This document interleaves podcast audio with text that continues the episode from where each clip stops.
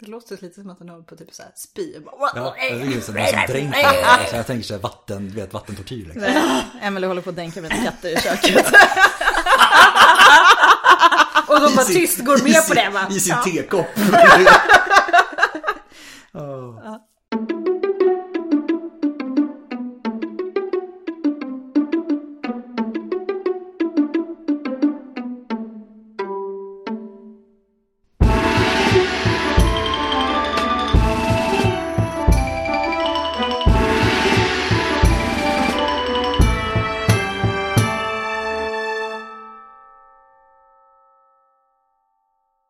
Hej och välkomna till ett nytt avsnitt av Podius Castus, en podd om antiken.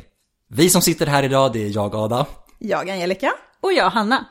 Och dagens avsnitt kommer att handla om en viss stadsstat i södra Grekland. Som börjar på S och slutar på Parta. Sparta man drog. ja. Ja. Vi kommer att prata om Spartas, ska man säga, historia. Det kommer inte vara så mycket annat än bara egentligen vad Sparta håller på med i historien. Från början till, ja inte kanske riktigt slutet, men från, från början till där man inte riktigt har någonting att säga till om längre.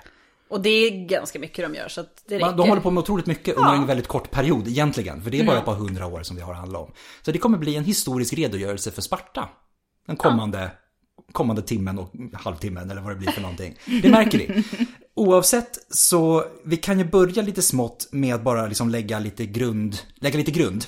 Och konstatera att när det, när det gäller antiken så klagar vi vanligtvis på att vi har för lite källmaterial om någonting. Åh vad, åh, vad trist att vi inte vet mer om det där. Eller att Ja. vi inte vet om det där. Det känns som vi tar upp det en gång Ja, ja, precis. Vad man skulle vilja veta mer om. Eller vad Ja. man skulle vilja ha mer källmaterial för. När det kommer till Sparta verkar det nästan vara tvärtom däremot. Vi har, har lite för mycket. Och det är ju det att både greker och romare, de älskade att skriva om Sparta. Och de skrev om Sparta så tillvida att man skapade en idealiserad och smått orealistisk version av Sparta. Just det som att det, alla de här texterna vi har är ju skrivna av andra än. Ja, exakt. Ja. Mm. Det är inte så mycket Sparta som skriver om sig själva. Nej. Utan det är andra som så att säga beundrar Sparta och skriver om Sparta. Och då blir det ganska skevt till slut. Det är inte så konstigt. Nej. Nej. och spartanerna de har ju inte så mycket att säga mot det här heller. De tycker snarare att det här är bara trevligt att andra skriver och tycker om dem. Liksom. Ehm, så att de eldar ju på den här bilden av sig själva som liksom, ja, den här idealiserade bilden. Liksom. Ehm, och gör ju sitt bästa för att också liksom projicera den här bilden av att de är så mycket större och starkare än vad de egentligen kanske är. Den, här liksom, den här styrkan som de producerar är ju inte alltid någonting de kan leva upp till. Ehm, Nej. och det är ju säkert de själva troligtvis högst medvetna om också. Vilket gör det liksom ännu tydligare att de, ja, de gör sitt bästa för att andra ska uppleva dem som mycket bättre. Ja. Det här fenomenet är ganska speciellt. eh, Just det här liksom, den här idealiserade bilden då. Och det har kommit att kallas den spartanska hägringen i modern forskning. Och den här hägringen då, det var ju liksom en bild av stabilitet, hierarki och ordning. En ordning inuti alla, alltså alla visste sin plats. Och i Grekland då så kontrasterade man ofta Sparta med demokratins Aten. Och demokratins Aten var liksom arketypen av odisciplin.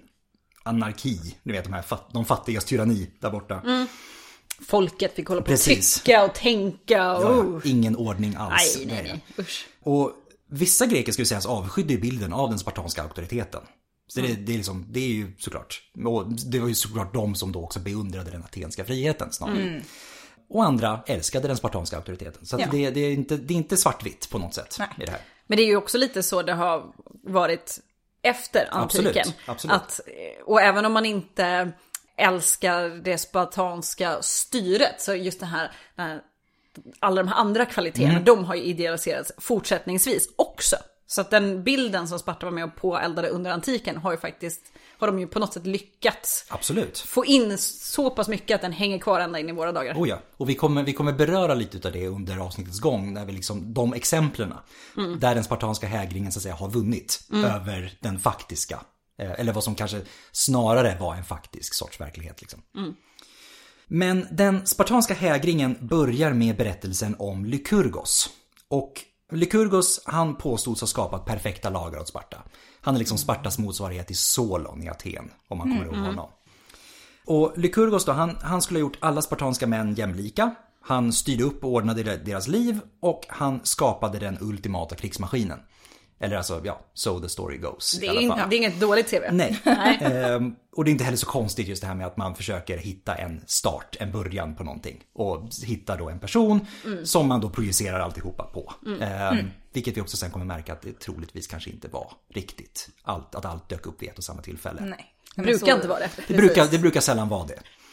Det brukar vara en semi-legendarisk karaktär som ja. brukar få, få den eh, äran på sig istället. Plutarkos, käre Plutarkos. Eh, han, Plutte. Plutte. han skrev en biografi över Lykurgos på omkring 100-talet efter. Men även Plutarkos erkänner att det inte finns en enda detalj kring Lykurgos som inte är omtvistad. Nej. Så att redan då så var ja. man att okej, okay, det, här är liksom, det här är lite legend. Ja, och sen lägg till 2000 år på det. Typ så. Och bara en sån sak som när Lykurgos då skulle ha levt har ingen någonsin lyckats befästa, varken under antiken eller senare. Liksom. Eh, idag så brukar man tänka att okej, okay, ja, men omkring början på arkaisk tid, alltså mm. tidigt, eh, sent 800, tidigt 700-tal mm. ungefär ja. före. Då ska tilläggas om han ens har funnits överhuvudtaget. Så ja, var det precis. någonstans där. Det är ganska praktiskt att ha just en person att fokusera på. För det är oh mycket enklare att sluta sig kring en person än en idé. Så ja. Och Plutarkos då ska sägas, han förlitade sig mycket på atenaren Xenofon. Eh, och Xenofon han levde under 300-talet före. Eh, och han bodde faktiskt i Sparta. Vi kommer mm. prata lite mer om Xenofon eh, mm. framöver. Men det är främst de här två personerna, Plutarchus och Xenofon, som man brukar återkomma till när man pratar om Sparta. Mm. Dels då Plutarchus biografi över Lykurgos och det som Xenofon producerar när han bor i Sparta. Mm. Så där har vi liksom våra två huvud, huvudsakliga källor i alla fall. Men, ska jag säga det också, att även Xenofon befinner sig ju långt i tid från Spartas tidigaste dagar. Så mm. det är fortfarande väldigt mycket tidsspann. Om vi, om vi pratar Plutarkos och Lykurgos så är det fortfarande ganska långt mellan Xenofon och en potentiell Lykurgos. Ja, mm. och inga sådana här statliga arkiv på samma sätt som vi har idag och så här Nej. öppna källor och så som man kan söka Precis. i. Utan det har nog hänt en del där också. Mm. Ja, men nu har vi pratat lite om historiska källorna. Och så kommer vi alltid tillbaka till det som är spännande för oss. Alltså historiska källor är också spännande för oss, men i alla fall jag tycker att arkeologin är den mest spännande. Arkeologin eh, har avslöjat att Sparta var en viktig bronsåldersplats. Och eh, Sparta spelar också en ganska central roll i Iliaden. Mm. Omfattande brandlager dyker upp omkring 1200 före vår tidräkning. Och eh, inga större bosättningar dyker upp i den här regionen, alltså Lakonien, eh, igen, förrän omkring 900 mm. före vår tidräkning. Så 300 år mm. där, mm. mm. med inte så mycket business.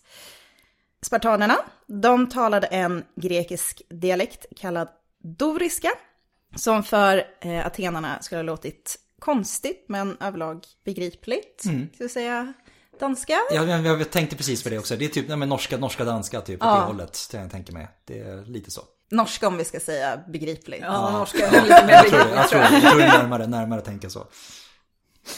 Enligt antika legender så var dorierna ett folk som invaderade södra Grekland under 1100-talet före vår tidräkning. Eller kort efter Trojas fall. Mm. Det har länge spekulerats i huruvida detta går att se spår av i det arkeologiska källmaterialet. Och då skulle det kanske vara det här tidigare nämnda, nämnda brandlagret. Mm. Men det finns liksom ingen konsensus i detta. Det viktigaste för oss idag att komma ihåg var eh, att spartanerna själva trodde att de härstammade från erövrande dorier. Och att de då hade eh, den här härkomsten, eh, att de gav dem liksom rätten att dominera eh, över sina grannfolk. Mm. Mm. Eh, för under 800-talet, nu har vi fortfarande för, eller vi kommer ju hålla oss före vår ja, tidräkning, så vi, ja, då har vi det etablerat, före vår tidräkning. Mm. Eh, så erövrar spartanerna övriga folk i Lakonien, alltså i det här området. Mm. Jag kan säga det också, jag tror, inte vi, jag tror vi glömde säga det kanske i början. Det ligger alltså så långt söderut i Grek, fastlandet i Grekland du kan komma i stort sett. Ja. Det är södra Peloponnesoshalvön. Så har vi bara. Ja, så har vi det för, för, för, för er som är väldigt intresserade av geografi. Men Nu, de har ju den här härkomsten, de tycker att de har rätt att göra så här, mm. så de är ute och erövrar. Och de då som blir erövrade men hade lite mer tur, de blir då perioikoi. Alltså grovt översatt omkringboende. Mm. Det är alltså lite bättre. Eh, de bodde då i dussintals, alltså det är självständiga små samhällen mm. Eh, utanför, runt om Sparta. Men de betalade tribut till Sparta och tjänstgjorde som soldater. Och de har ingenting att säga till om. Nej. Mm. Men det är lite bättre än den andra varianten. ja. Fick de man, fick man välja så? Ja, det fick man välja. Det här är inte pest eller kolera utan Nej. det här är typ förkylning och pest eller ja, något sånt. Typ så. Om man då hamnar i pestkategorin, hade mindre tur, mm. då blev man då en eh, helot eller heloter mm, i mm, grupp. Mm, och det var en statsägd slav. Yes. Och vi kommer komma till lite mer hur de har det sen, men det var inte jätteroligt. Mm. Eh, de spartanska medborgarna dock, de kallas spartiater. De delade upp marken mellan sig själva och så satte man heloterna att bruka den. Mm. Är så här, jag äger, du jobbar. Ja. ja. Det var väl, det var väl smidigt Precis. Ja. Spartiaterna är i, i grund och botten en aristokratisk klass i ja, samhället. Precis. Liksom. Och de, de är ganska ja, få. Ja, de är väldigt få. De jobbar inte. De, de hänger dagarna ända och liksom har det trevligt. Dricker och spelar spel och tränar lite grann. Och, ja, precis. Och ibland så är de ute och slåss. Ja. Men de, de brukar inte eh, landet helt enkelt. Nej. Utan det gör andra åt dem. Och det finns faktiskt, det här tycker jag är ganska intressant, det finns faktiskt antika källor som påpekar hur brutalt det här låtsystemet mm. är. Mm. Och det, det här pratar vi ju om i en generell kultur där slavekonomin är ju etablerad. Ja, ja. Det är något som man ser som självklart. Mm. Så man tycker inte att, att ha slavar är fel. Nej. Det är ju okej, okay, för det har ju alla. Mm. Men det här tycker man är fel. Mm. Och då, alltså det är ju en indikation på att det var ganska mycket värre ja, det, än, ja. än, på alla andra ställen. Så att, eh, ja, det, det, var nog lite extra. Mm. Eh, Plutarkos då, som vi nämnde tidigare, han kallar till exempel systemet för det mest grymma och laglösa. Mm. mm. Så det är rikt, riktigt illa var det. Lite brutalt sådär. Ja, lite extra. Eh, och likt då de här perioikerna så lever heloterna i egna samhällen och de får gifta sig. Men det var ungefär så mycket rättigheter ja. de har. Yep. Ja, punkt, typ.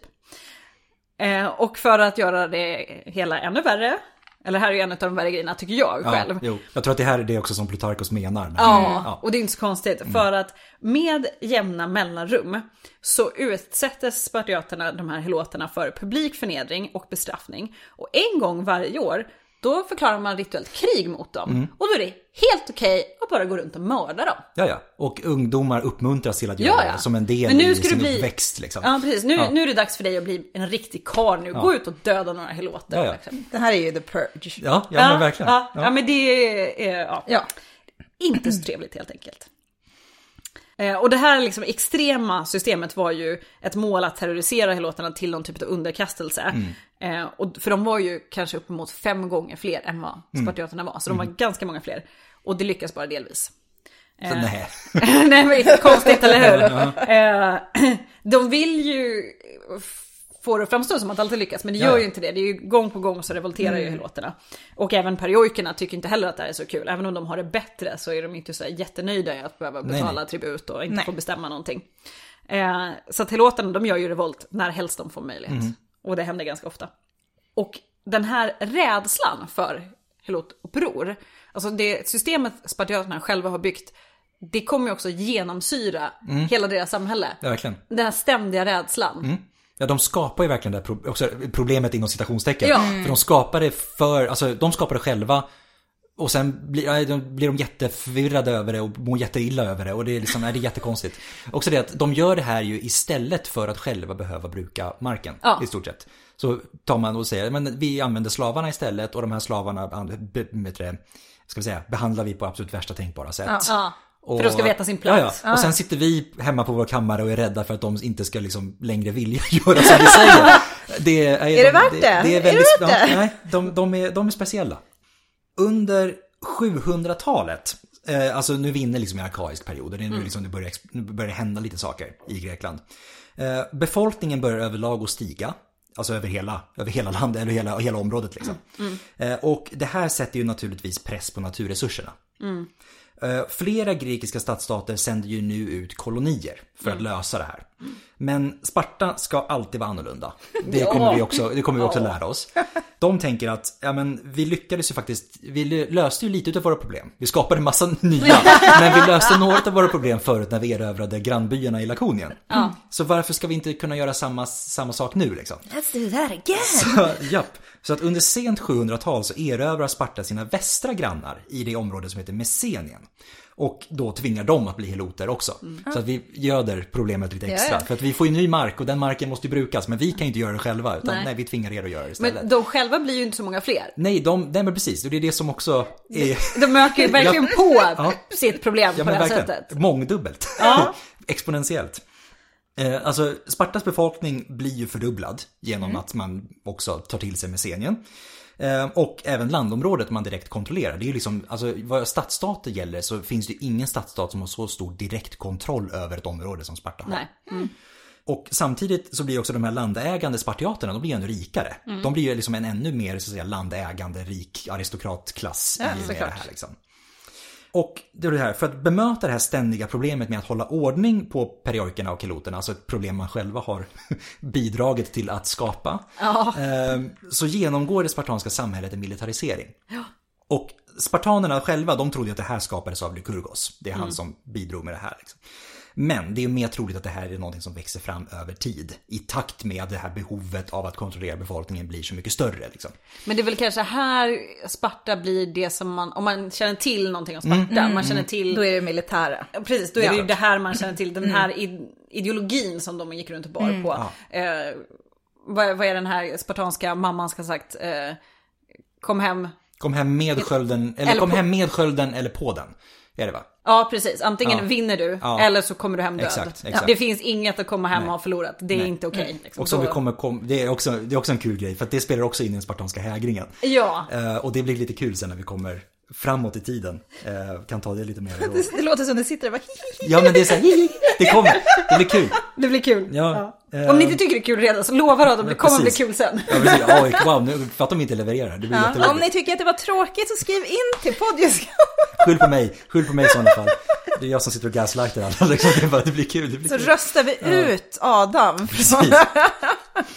Ja. Men om vi ska gå tillbaka till Sparta, Vi går tillbaka till Sparta och Spartas militarisering. För att klart är i alla fall att oavsett om det var Lykurgos eller om det är en gradvis, så att säga, gradvis eh, utveckling. Mm. Så är det spartanska samhället mer eller mindre helt militariserat omkring slutet av 600-talet. Mm. Så att ändå liksom en hundraårsperiod ungefär från där de började liksom erövra Messenien. Och sen har vi liksom kommit fram till det här liksom att nu har vi militariserat vårt samhälle. Mm. Och vad betyder det då?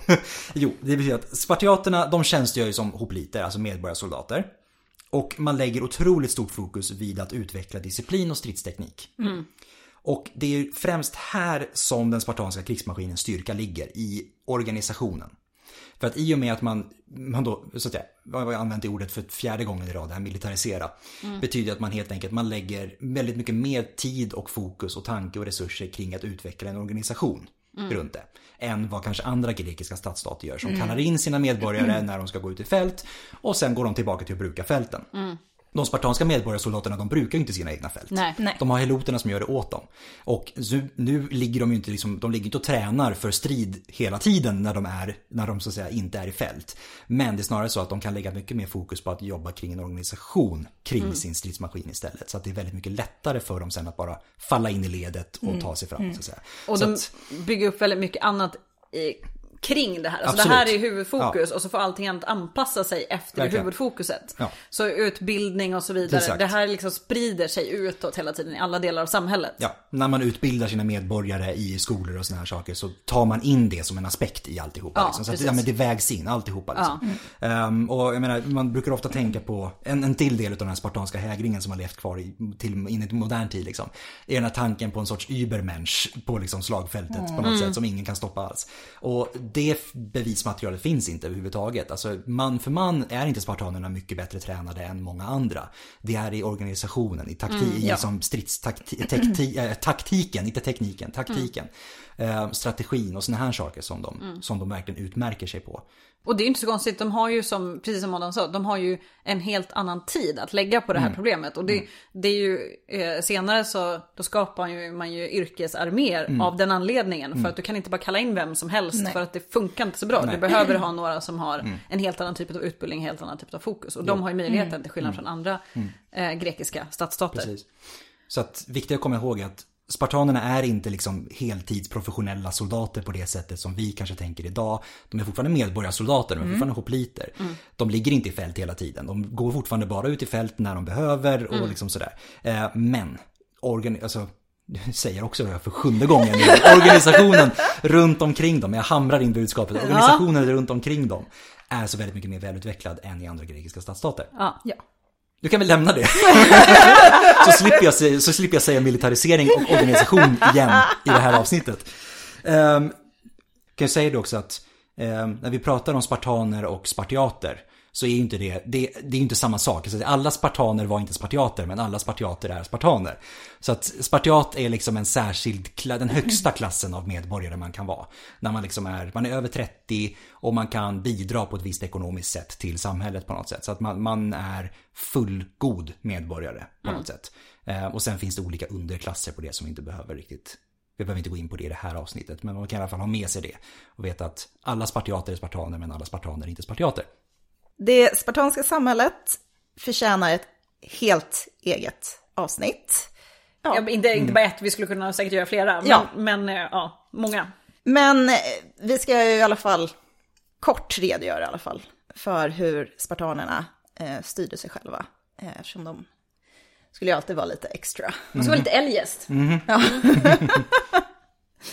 de hade fyra huvudsakliga politiska institutioner. De hade kungarna, de äldres råd, eforerna och folkförsamlingen.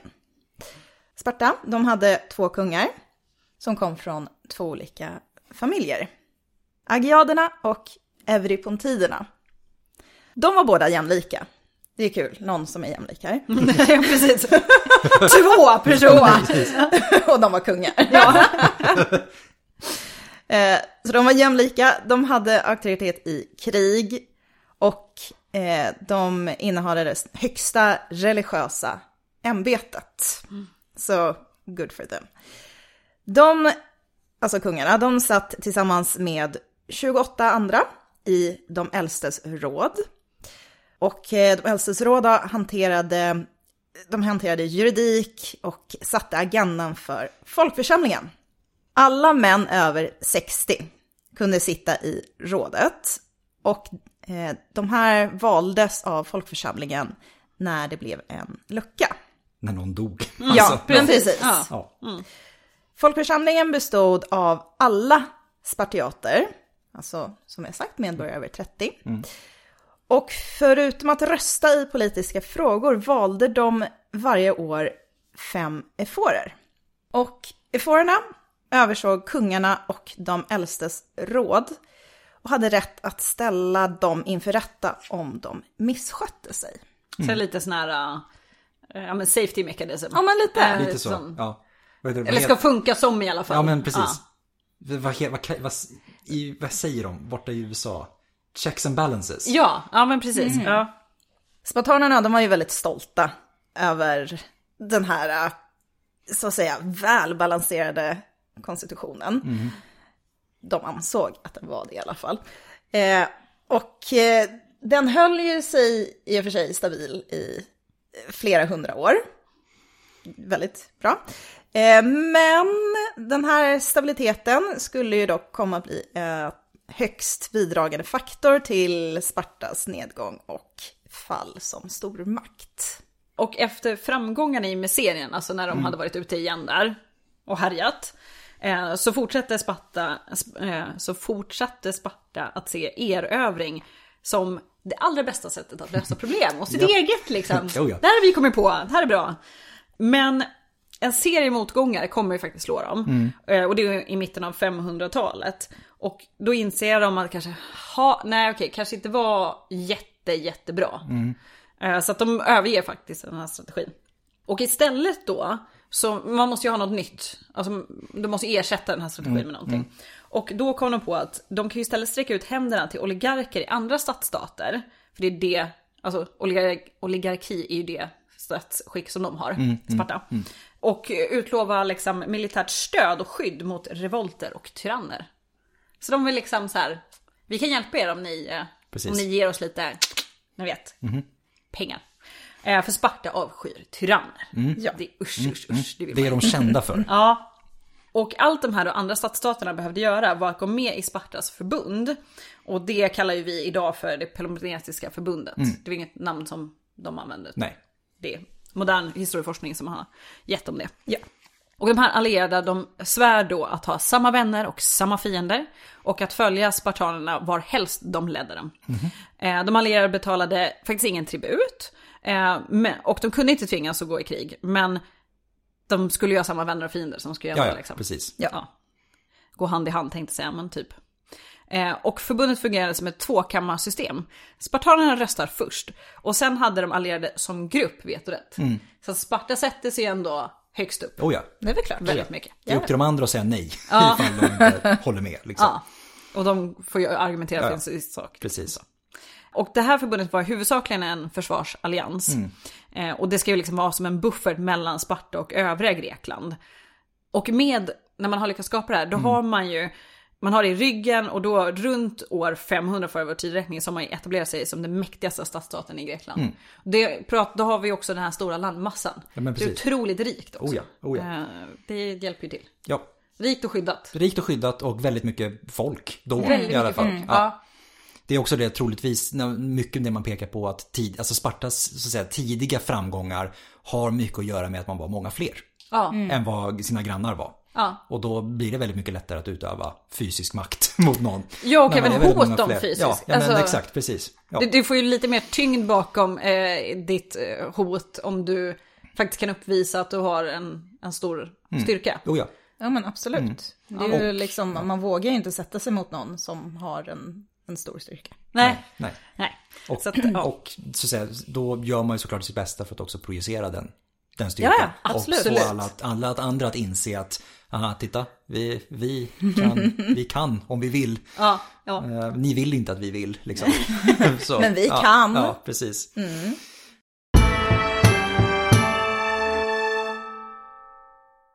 Okej, nu är vi framme liksom 500-talet, Sparta etablerat, Sparta är det största mäktigaste som finns just nu i Grekland. Liksom. Mm. De har i stort sett hela Peloponnesos under sig. Antingen landområden som de styr direkt över, eller sådana som är allierade, eller mer eller mindre liksom underkastade Sparta. Men ingen historia om Sparta är ju komplett utan Aten. Man kan, man, man kan inte berätta historien om Sparta utan Aten. Nej, och man kan inte berätta historien om Aten utan Sparta. Nej. Eh, de är som Greklands Tom och Jerry. Ja. Och under mitten av 500-talet, alltså samtidigt som Sparta bygger sin, sitt förbund, mm. så styrs Aten av tyrannen Peisistratos. Vi har pratat, jag tror vi nämner Peisistratos lite grann i demokratiavsnittet i Aten, tror jag. Det tror jag. jag. Det, var, det vara länge sedan vi gjorde det, där nu. Jag tror han flyger förbi där. Ja men det tror jag också. Eh, han dör 527. Och då är, eh, fortsätter hans två söner Hippias och Hipparkos att styra i Aten som tyranner. 514 alltså ett par år senare, så fattar Hipparkos tycke för en pojke vid namn Harmodius. Och den här Harmodius är ju i sin tur en Eromenos till aristokraten Aristogeiton. Mm, not good. Nej. Mm. Vi, du pratar om det i, eh, och är det Ganymedes? Just det. Ja, lite. Mm. Harmodius, han nobbar ju Hipparkos. Eh, och då blir Hipparkos sur. Så han hämnas genom att exkludera Harmodios syster från den panatheneiska festivalen och det här är en enorm skymf mm. mot den här familjen. Eh, så Harmodios och Aristogeiton, de konspirerar nu för att mörda tyrannerna. Det är så här, det går lite... Det är eskaleringen, det är fantastiskt. Så du vill inte ligga med mig? Nej, så då? Det är, verkligen, oh, det är okay. ett steg till verkligen för varje. Ja, ja. då exkluderar jag din syster. Jaha, då mördar jag er. Eh, och Hipparchos han blir mördad i den här konspirationen. Eh, Hippias lyckas dock överleva. Eh, varefter Hippias i sin tur låter döda konspiratörerna. Såklart, som, som man måste. Liksom. Och mm. han blir totalt paranoid i mm. efterspelet till det här. går hårt åt aristokratin. Han mördar och förvisar personer till höger och vänster. Som man gör. Och det här gör ju såklart att han tappar stöd bland flera av de här mer framträdande Nej, familjerna. Varför då? Ja, precis.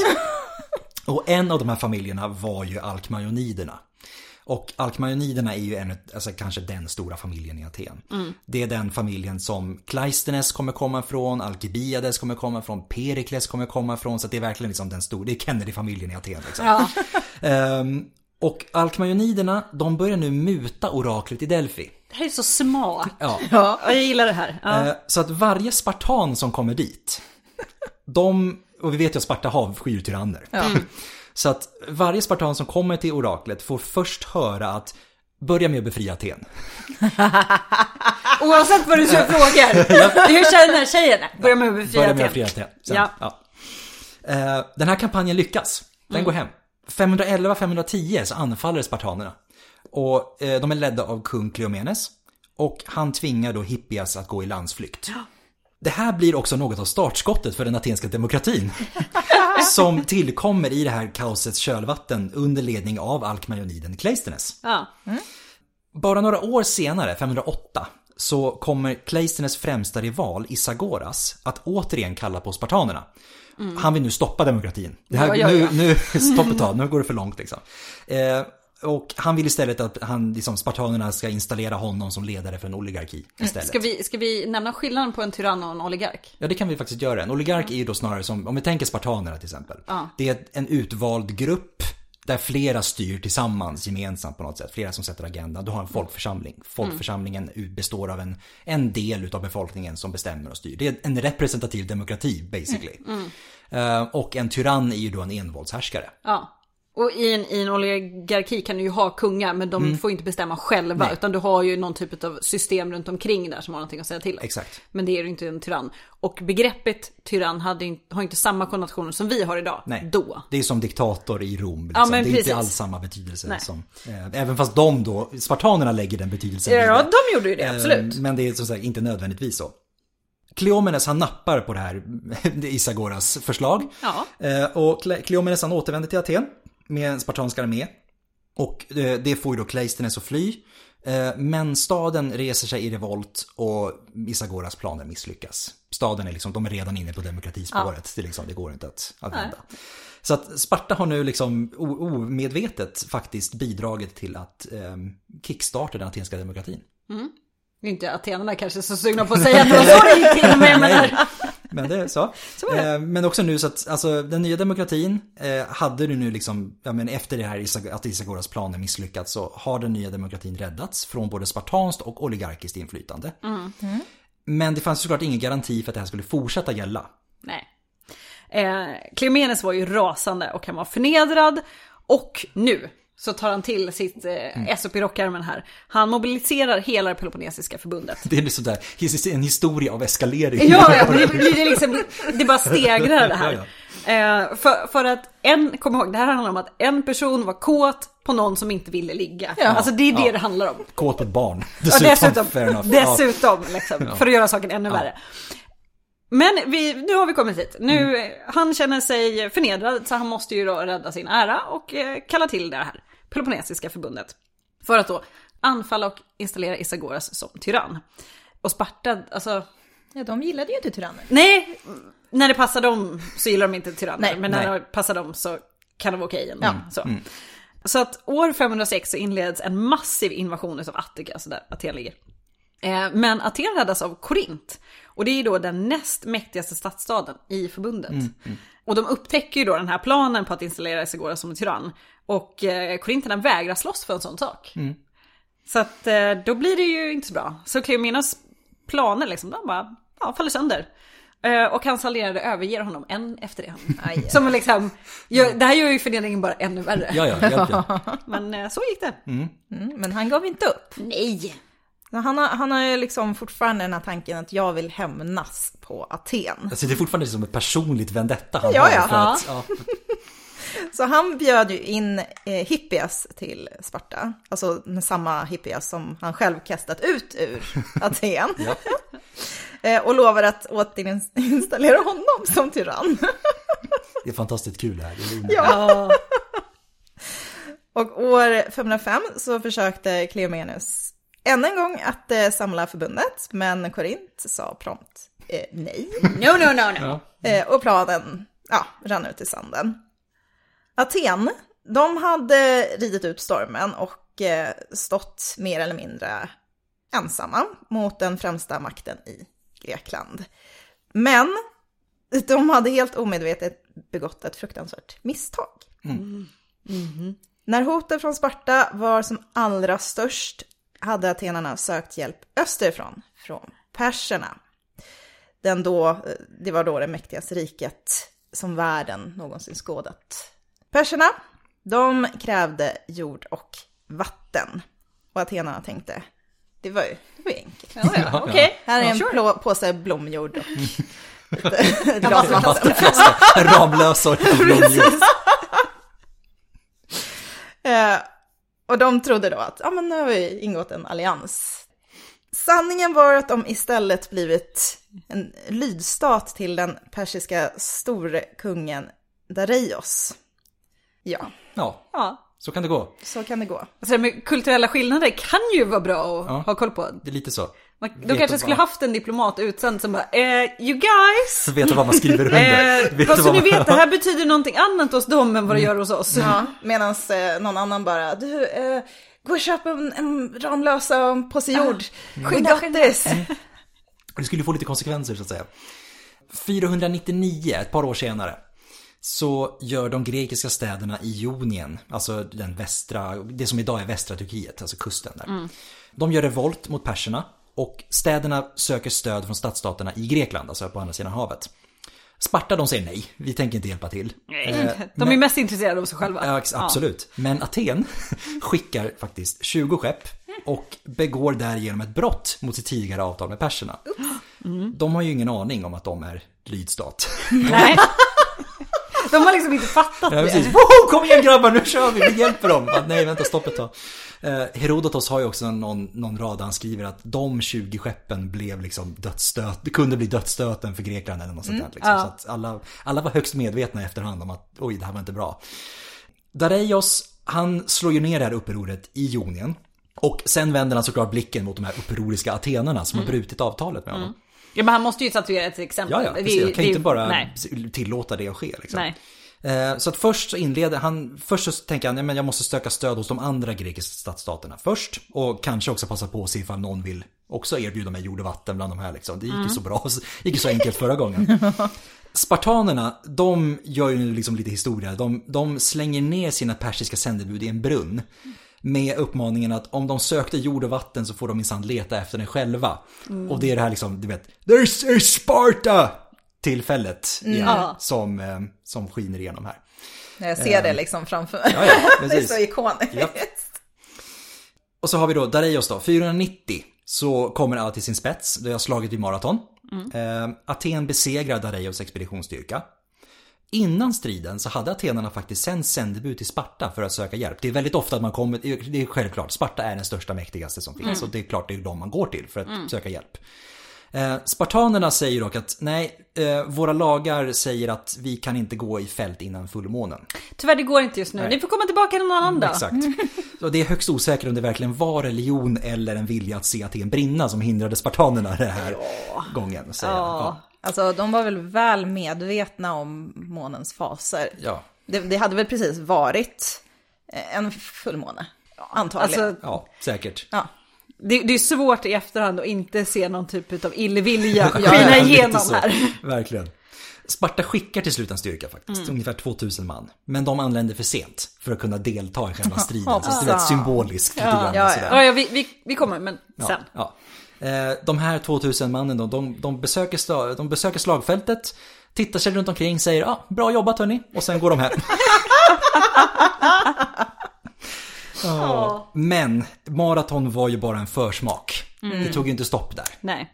Det här är ju en långt pågående historia får man ju ändå säga. Absolut. Eh, för nu är vi framme vid år 483. Och då har ju Dareios gått ur tiden, men han har en son, Xerxes. Mm. Också ett namn man kanske känner igen. Ja. Han är nu persisk storkung. Och han samlar en gigantisk invasionsstyrka. Och det här är ju liksom ingen hemlighet för grekerna de vet ju ändå att det pågår. Mm, mm. Men till skillnad från väldigt många andra så väljer Sparta, som alltid ska vara lite eljest, att eh, inte göra någonting. Mm. De förbereder sig inte, de gör ingenting. de har inte följt MSBs råd om så här, ha sin lilla krigslåda. Vad som händer när, krislåda. när perserna invaderar. ja, precis, de har ingen krislåda eller någonting. Nej. Utan de bara, ja, ja, ja. Det löser sig säkert. Och enligt Herodotos då så invaderar Xerxes med fem miljoner soldater och det, det, kan inte stämma. Nej. Och anledningen till att det inte kan stämma är att det hade varit en femtedel av hela riket. Mm. Så det funkar inte. Men det var ju med största sannolikhet den största armé som Grekland någonsin hade skådat. Mm. Och moderna uppskattningar hamnar på mellan 300 till 500 000 personer. Vilket är en enorm styrka. Ja, Alltså bara förflytta de här trupperna. Ja. Ja, eh, och det är klart att när man får nys om att de här är på väg, mm. det är så många, du, har, du kan inte ens få en överblick av det. Mm. Det måste vara skräckinjagande. Ja, herregud ja. Och år då 481 så är Xerxes i mindre Asien. Och då får Sparta kalla fötter. Eh, och kallar alla grekiska stadsstater till motstånd. Men bara 31 svarar. Och det här är utav liksom många hundra. Ja, ja. Det, är, det är många stadsstater. Mm. Alla det tänker att okej, nu kommer spartanerna minsann och säger ja. att vi ska samlas. Liksom. och, och de bara, eh, nej. nej. Xerxes plan var egentligen ganska simpel. Det var liksom överväldigande styrka bara. Total seger, direkt anfall Aten och sen göra detsamma med Sparta. Bara ja. bang, bang. Och sen, bara mosa. Ja, precis. Ja. Uh, och han, han var ju väl medveten om det, men grekerna det också, att de hade ju såklart ingen möjlighet att kunna möta perserna i öppen strid. Det fanns liksom ingen chans. Alltså där är det ju så, du spelar inte så stor roll skickligare om du Nej. står mot en sån stor styrka. Du blir uppäten på en ja, gång. Alltså, du kan inte. liksom inte hålla ut. Nej. Nej. Grekerna visste redan från början att de blir tvungna att använda terrängen till sin fördel. Mm. För man vet ju att Xerxes, för på vägen till Aten så kommer han behöva passera genom bergen. Mm. Och man börjar nu titta på de bergspass i centrala Grekland som Xerxes var tvungen att passera. Och där man kunde, liksom, skulle kunna fortifiera och sätta upp någon form av försvar. Mm. Men man kommer inte överens om vilket pass man ska välja. Man har tre olika alternativ som man står och väger mellan. Sådär. Spartanerna de vill först befästa näset vid Korint. Ja. Så att de vill överge Aten helt och hållet. och bara skydda sig själva i det här fallet. Eh, till slut då, år 480, Xerxes är nu på väg söderut genom ja. norra Grekland. Då sänder till slut grekerna en liten styrka till Thermopyle, alltså de heta portarna översättnings, översättningsmässigt. Som ligger på gränsen mellan Thessalien och Lokris i centrala Grekland. Eh, den här styrkan den leds av den spartanska kungen Leonidas. Har ni hört talas om honom förut? Nej, jag känner, uh, nu har vi kommit till det, det man kanske känner, Xerxes, Thermopyle, ja, Leonidas. Det är också lite grann nu det börjar alltihopa. Ja, hä hägringen ligger precis vid mm. dörren om man säger ja. så. Uh, och Leonidas han leder ju då 300 spartaner och omkring 5000 övriga allierade greker. Som oftast glöms bort. Eller hur? Mm. Eller hur? Men 300. In, också, också en del i det. Hägringen. Ja. Ehm, och målet är ju då att hålla Xerxes stången medan övriga greker kan mobilisera. Ja. Ehm, det var aldrig menat som en självmordsuppdrag, viktigt att komma ihåg. Det här är liksom, de går dit för att hålla passet. Ja. Och liksom, ja men, så att man sen liksom, Xerxes ska inte komma längre än så. Vi ska ta stopp här. Ja. Och det, det, är inte heller så att man har tänkt att man ska vinna här, Nej. utan man ska bara hålla, ja. hålla, ja. hålla så han till slut får. För det, det är ju att föra fram en sån här stor här kräver ju så mycket logistik och mm. mat allt här. Ja, att om du lyckas hålla någon stången tillräckligt länge så måste man ju vända om. Så är det, absolut. Striden pågår i tre dagar vid. Thermopyle. Mm. Och på den tredje dagen så bryter Xerxes till slut igenom. Mm. Och Leonidas och samtliga spartaner dör efter att ha kämpat till sista man. Mm. Men trots den här förlusten så skulle slaget vid Thermopyle komma att bli det ultimata propagandavapnet för ja. spartanerna. Och man var otroligt snabba med att ta kontroll över narrativet. För det var ju ändå Spartas kung som fört befälet. Över de här eh, 5300 exakt. personerna. Eh, exakt.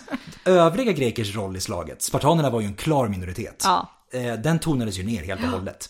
Så tillvida att när vi idag pratar om de 300 spartanerna vid Thermopyle så tänker man ju nästan bara på de 300. Ja. ja. Inte på de övriga tusentals greker. Liksom, det är därför man ofta har historiker som pratar om det och säger och det var ju också andra där. Alltså verkligen så att ja, ja. de måste verkligen så här poängtera det. För de flesta vet inte om det. Och Nej. det här är som sagt, det här är fortfarande Spartas eget narrativ som bara går igen och går igen.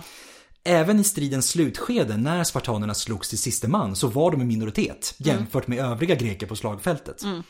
Eh, det var inte heller spartanerna som själva valde att stanna kvar vid Thermopyle när Xerxes kom dit först. Utan det var andra greker som valde att säga att vi måste stanna kvar här. Vi liksom mm. måste hålla. Spartanerna ville falla tillbaka. Mm. Igen, tillbaka till Korintiska näset. Mm. Liksom. Men den här spartanska uppoffringen då, den blev sinnebilden av hur Sparta ville att andra skulle uppfatta dem. Mm. Eh, och den här bilden skulle komma att få så stort genomslag att den bidrog till den psykologiska krigföringen. Alltså på en ren geopolitisk nivå. Liksom. Man höll sig från att gå i strid med Sparta för att man kom ihåg Thermopyle. Mm. Och man ville liksom inte bråka med dem. Nej. För att man tänkte att men, alla spartaner är som de vid Thermopyle, det är liksom, så där är de alltid. och det är ju såklart en självbild som Sparta mer än gärna projicerade gentemot andra ute i världen. Det är en jättebra bild för ja, ja. Eh, men jag ska säga det att det hände aldrig igen att spartanerna stod och kämpade till sista man. Nej. Det här var, Thermopylae var ett undantag. Det var ett, ja. engångs, ett engångstillfälle. Men man, man hoppade direkt på den ja. och utnyttjade den till max. Och det finns ju sådana fantastiska berättelser just det här när, eh, när det här eh, persiska eh, spanaren tror jag ser hur de står där och kammar sitt långa hår. Ja, just det. Eh, och, och liksom undrar vad fan håller de på med? Är de så mm. fåfänga? Mm. Bara, nej, nej, det är, då är det någon som förklarar. Nej, nej, nej, det är för att de förbereder sig för att dö. Ja. Liksom. De vet mm. att och det, de kommer igen, dö. Det är spartanerna som har kapat ja. narrativet. Det var aldrig menat som en självmordsuppdrag. Nej. De, men, ja. men det här är ju en så fantastisk ja, historia. För det bygger ju på det här att de vet vad de gör, de vet vad de går in för, mm. de gör det för alla andra. Oh ja. Och det är, så här, det är, liksom, det är Herodotos som skriver om det här Ja. Ungefär 60 år senare eller något sånt där. Ja. Och då märker man att det har ju gått hem. Det har funkat. Ja. Allt det här kommer igenom i, hans, liksom i narrativet. Det här också, du vet, alla, när spartanerna är så otroligt självgoda. Du vet, när perserna säger att varför försöker ni ens? Våra pilar kommer att blottlägga solen. Alltså kommer att mörklägga solen. Mörklägga, mörklägga solen. Och spartanerna säger, men vad bra, då kan vi slåss i skuggan. Liksom. Eller när, när perserna ber spartanerna lägga ner sina vapen för att de ser hur hopplöst det är. Och spartanerna ropar tillbaka, kom och hämta dem. Ja. Och det är liksom, ja, du vet. Det... Ja, för, det, för det är ingen av de här 300 som kommer tillbaka och berättar allt det här. Nej, nej. Det här är ju stories som man ja, har byggt på. Ja, och det är så otroligt smart. Mm. Och det funkar ju, för vi sitter ju fortfarande och säger idag. Mm. Och jag vill nog påstå att de som är lite intresserade av den här typen av historia, mm, alltså eh, krigshistoria och sådär. Det här vet man, det här känner man ju till. Även om man inte är speciellt intresserad av antiken i sig. Mm. För att man, man fick igenom den här historien. Det är så mm. jäkla bra historier. Mm, du skulle kunna skriva en bok, alltså det skulle kunna vara en roman från början. Ja, så att, nej, ja, de är, också det, en av orsakerna, jag älskar filmen 300. jag kan inte låta bli att göra det. Dels för att den är 85% estetik. Ja. Och dels också för att om den här filmen hade, alltså det här hade varit precis så som Sparta själva hade berättat det. Ja, ja. Det hade varit precis så mm. som spartanerna själva. Mm. Så de hade gestaltat sig själva på exakt det sättet och de hade berättat storyn på exakt det sättet. Mm. De, de själv, självmordsuppdrag för Greklands frihet, mm, liksom, mot tyranni och alltihopa. Mm. De hade gjort exakt på samma sätt. Och, och det på något sätt funkar ju så pass bra för att eftersom det är så många som förlorar livet här så går det ju att berätta historien på det sättet man vill berätta den. Mm. Eh, det, det, är ju det som sker mycket, mycket senare sen när det kommer till första och andra världskriget när man börjar få alltså, film och fotografering mm. gör ju mm. att det går inte att styra narrativen på samma sätt. Nej.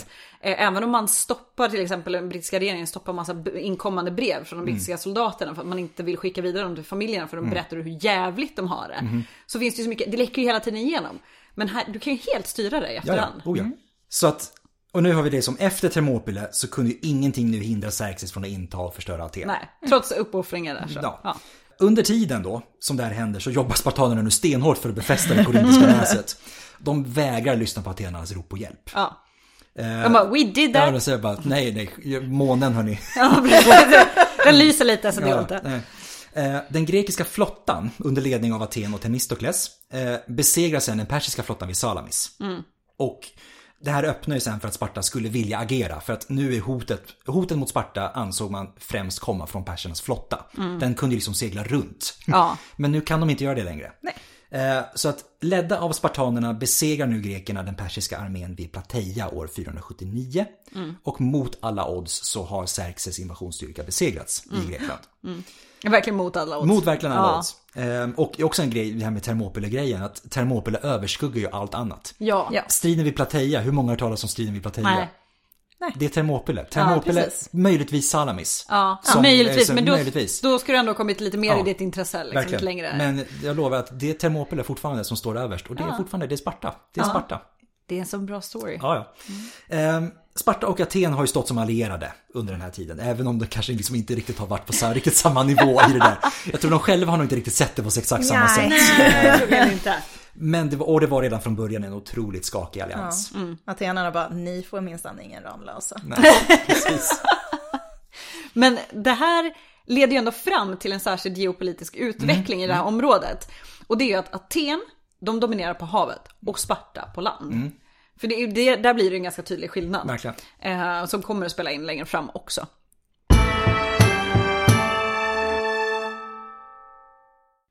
Och det, men det dröjer ju inte såklart, alltså som ni förstår, det dröjer ju inte alls länge innan den här alliansen som är skakig, som ändå har lyckats med den här ganska stora mm. grejen att besegra Xerxes, den bara kollapsar. Den var ju framtvingad som en, en respons på ett gemensamt hot. Ja. Och det funkar så länge det finns en dom att kämpa mot, en, fi, en yttre fiende. Och sen så så går det tillbaka. Men mm. man kan liksom inte hålla överens. Man, man gillar ju inte varandra. nej, det, alltså... det är också, Sparta vill bara att Aten ska brinna. Liksom. ja, ja. Och, och, Aten, alltså det, nej men det, ja, det, de nej. har ju ganska olika mm. utsikt på hur saker och ting ska vara. Verkligen. Så det funkar inte. Mm. Eh, och dessutom har kriget lett fram till att Aten har skapat en egen försvarsallians. Mm. Det Deliska förbundet. Eh, men det här utnyttjar man ju dock mycket mer imperialistiskt än vad spartanerna gjorde med sitt. Atens ekonomiska och politiska expansion till följd av kriget, eh, det, liksom, det skakade maktbalansen bland de grekiska stadsstaterna. Och eh, Sparta kände sig nu lite, lite hotat. Mm. Eh, och det här var ju liksom en verklighet som skulle tvinga fram nya konflikter. För att vi kan ju inte ha ett konfliktlöst samhälle. Nej, nej, nej. nej. Efter kriget mot eh, Xerxes så verkar spartanerna ha trott att eh, verkligheten skulle, liksom, skulle återgå till det var, hur det var innan kriget. Mm. Och eh, de försökte övertala Aten att, att ja, här, slu, bygg inte nya stadsmurar. Det, det, är lugnt liksom. Att de, de, Aten kunde ju liksom förlita sig på Sparta som skydd. Eh, fast Kunde de verkligen det? Jävla magstarkt. Det är så att de, de har skitit i Aten fyra ja, gånger om nu känns ja. det som. Och de sa nej vi kan skydda det, det är lugnt. Ja, ja, men ni kan, lita på oss, lita på oss, it's fine, it's fine. Men atenarna, de litade inte riktigt på det. Nej, Konstigt nog. Smart. Eh, Sparta, de såg också Ionien som ett möjligt område att utöva makt över. Såklart. Ja, såklart. Och det här krävde dock, eh, det krävde dock en stark flotta, vilket spartanerna saknade. Och eh, man föreslog därför att jonerna skulle flytta över havet till Grekland. Och här kunde de leva under spartanskt beskydd. Men jonerna, de vägrade flytta. De bara, eh, nej. Tycker, alltså Spartas lösningar på saker är fantastiska. Liksom, Kom hit! Guys, så kan vi styra över, vi kan skydda det här borta. Nej. Jag har en jättebra idé. Ja. Uh, eller? Den sista droppen för den grekiska försvarsalliansen, den skulle komma när Pausanias, Spartas starke man i alliansen då, att han avslöjade, avslöjades ha ansökt om Xerxes dotters hand och erbjudit Grekland i gengäld. Han bara, han kör på. Han kör sitt eget race. Han bara, jag ser min chans. Ja, det är bara... Det är, bara... Det är så bra! Okej, vi gör så här. medan järnet är Precis, vi gör så här. Jag gifter mig med din dotter, du får Grekland. alltså, är, kan du ens ge Grekland? Liksom för det första. Det var ju en schysst eh, hemgift, eller ja, inte hemgift utan... Ja precis, motsvar, vad fan är andra motsvarigheten till det på andra sidan? Jag vet inte. Uh, ja. Uh, ja, brudgåva? Betal, betalning för, ja, för en kvinna. Ja, ja. verkligen. Ja, typ så. Ja. Eh, det här, this was not a thing liksom. Nej, det var lite gräns, eh, han, han blev omgående avsatt av eforerna. Eh, men ja, då var ju Spartas förtroende liksom, det var spenderat. Ja, vi är kört. Mm. Ja, det, de är körda liksom. Aten stod nu som ohotad ledare för den gemensamma grekiska saken medan Sparta höll sig på hemmaplan. de, där, de där spartanerna kan man inte lita på. Nej. Liksom, nej. Också det att i takt med att Aten utnyttjade sin maktposition till att mer eller mindre omvandla allierade stadsstater till undersåtar så började som spartanerna knorra lite grann hemma liksom säga att vi gjorde nog fel när vi liksom övergav alliansen. Nej. Liksom. Ja. Och nu börjar, man bli, nu börjar man bli aggressiva igen för att Redan år 475, alltså bara fyra år efter slaget vid Plateia, mm. så diskuterar nu folkförsamlingen om att anfalla Aten igen. Men man röstar till slut emot det. Tio år senare, 465, i samband med att Aten belägrade en allierad som vägrade göra som atenarna ville, så tänkte Sparta, nej nu har atenarna gått för långt. Så att nu röstar man igenom att invadera Attika. Men direkt efter det här så drabbas Sparta av en svår jordbävning. Och i det här kaoset så ser då heloterna sin chans. Oops. Det kan man ju förstå. Ja. Mm. ja. Och det efterföljande upproret skulle bli det svåraste helotupproret som Sparta någonsin upplevde. Ja. Och i en ödets ironi så är det nu Sparta som ber Aten om hjälp mot heloterna. Man kan ju känna att det är lite karma i det där. Ja, ja. Det är lite karma här. Eh, Aten var nu den främsta sjömakten i området. Mm. Eh, och man undrade nu högt i sin egen folkförsamling då om man verkligen liksom behövde Sparta längre. Ska vi, liksom, ska vi hjälpa dem eller ska vi bara låta dem förgås? Liksom? Ja. Eh, och det satt otroligt långt inne men till slut så sände Aten en styrka för att hjälpa spartanerna. Alltså, om jag ska spekulera vilt här nu, men man vet ju ändå vad Sparta är. Ja. Men om man låter det förgås, någonting annat kommer ju uppstå i det här Ja, vakuumet av den här ganska stor, alltså utspridda och stora befolkningen. Jo. Då är det kanske lite enklare, Ta ett bekant, nå- nå- någonting man känner till ja, ja. men en, en Ja. bekant fiende lite Ja, men grann. lite. Eh, som också antagligen kommer ändå vara ganska försvagad. Ja, ja, ja. verkligen. Och den här revolten, den blir så seglivad, den blir till slut till en belägring i bergen, heloterna befäster liksom och sådär. Och Sparta, de, de frågar Aten om hjälp en gång till. De säger vi behöver mer hjälp hörni, det, gick, det, det räckte inte första gången. Så en andra gång kommer nu Aten till undsättning. Men då får spartanerna kalla fötter. De, de ångrar sig och sänder iväg den här hjälpen. Men snälla. Eh, Och jag tror det är Tykidides som säger att spartanerna blev rädda när de såg hur ivriga atenarna var att hjälpa till. Liksom. Mm. Och då tänkte de så här, åh nej nej nej, nu försöker de här, nu försöker de med någonting. De har någonting i kikan. Vi, liksom. vi har gjort så här själva, så Ja. nu förstår vi vi vad de håller på med. vi vet vad som händer, vi vet vad man menar när man gör sånt här. Och atenarna, de blir såklart både förnedrade och ilskna. Ja men det är klart. Eh, Och börjar nu allt mer att visa en öppen fientlighet mot alla som stöttar Sparta. Mm. Så att det, är- nu, liksom, nu, börjar det här, nu börjar det verkligen gnissla i maskin- maskineriet Ja. igen. Ja. Eh, I Aten nu så skulle folkförsamlingen, sporrade av en lite up and coming Perikles, att vända sig rakt, alltså direkt mot Sparta. Ja. Man såg fortfarande spartanerna som ett hot mot demokratin. Och det enda sättet man tänkte då att säkra framtiden på, det var att bryta upp det Peloponnesiska förbundet. Man hade inget hopp om att kunna besegra Sparta i fält. För ni vet, ni kommer ihåg Thermopyle, ni vet hur spartanerna är. Så att planen blir istället att övertala andra stadsstater att byta sida. Eh, Alltså att bryta ner förbundet utan att egentligen ha någonting med Sparta att göra. Och huvudbytet i det här, det var ju såklart Korint. Som vi vet är liksom den näst mäktigaste staden i det Peloponnesiska förbundet. Spartas viktigaste allierade sitter precis på den här landtungan som är emellan Peloponnesos och Attika. Och den här strategin då, den leder fram till det så kallade första Peloponnesiska kriget som var mellan 460 och 446. Och det är ett sorts eh, kallt krig som främst då utkämpas mellan Spartas och Atens olika allierade. Men kriget får tyvärr inte den utgång som Aten har önskat sig. De tvingas liksom backa efter att deras egna allierade börjar liksom, mm, nej, ja var det här så bra? Man Så. kan, bara, man kan bara trycka på de egna så pass mycket tills de Ja, precis. säger, ja. Ja. Och Sparta försöker ju då såklart utnyttja det genom att planera en invasion av Attika. Igen. För det, de har ju gjort det förr, så de vet ja. att det ska gå liksom. Men Aten, som då är ledda utav Perikles, de eh, blir mer eller mindre tvingade att säga, liksom avsäga sig det här anspråket på det grekiska fastlandet. ja, håller sig på vattnet. Ja, Ja. där vet de ju att de är bäst. Ja, ja. De, de är ju, eller obesegrade ska jag säga, men de vet att de är bättre än Ja. Sparta. Och Perikles, han förordade nu en ny strategi för att bräcka Sparta. Och det är att sitta lugnt i båten. Det här måste ju vara ganska svårt för dem tänker jag. Ja, att få höra det, men nu ska vi ta det lite lugnt. Ja, ja, vi chillar nu hörni. Ja. Men att fortsätta samla in tribut från de allierade och centralisera makten i det Deliska förbundet. Mm. Vilket ju, så, ja det är en smart strategi. Ja, Mm. Men jag tänker att den kan vara lite kanske svår att få igenom. Det är enklare att elda på folk än att bara så här. Bara sitta och bara växa istället. Liksom. Men tanken är då att till slut så ska ju Aten få så pass mycket resurser att Sparta inte kan stå emot längre. Mm. Det är ju planen. Och Sparta var ju faktiskt vä- väldigt väl medvetna om det här hotet från Aten. Mm.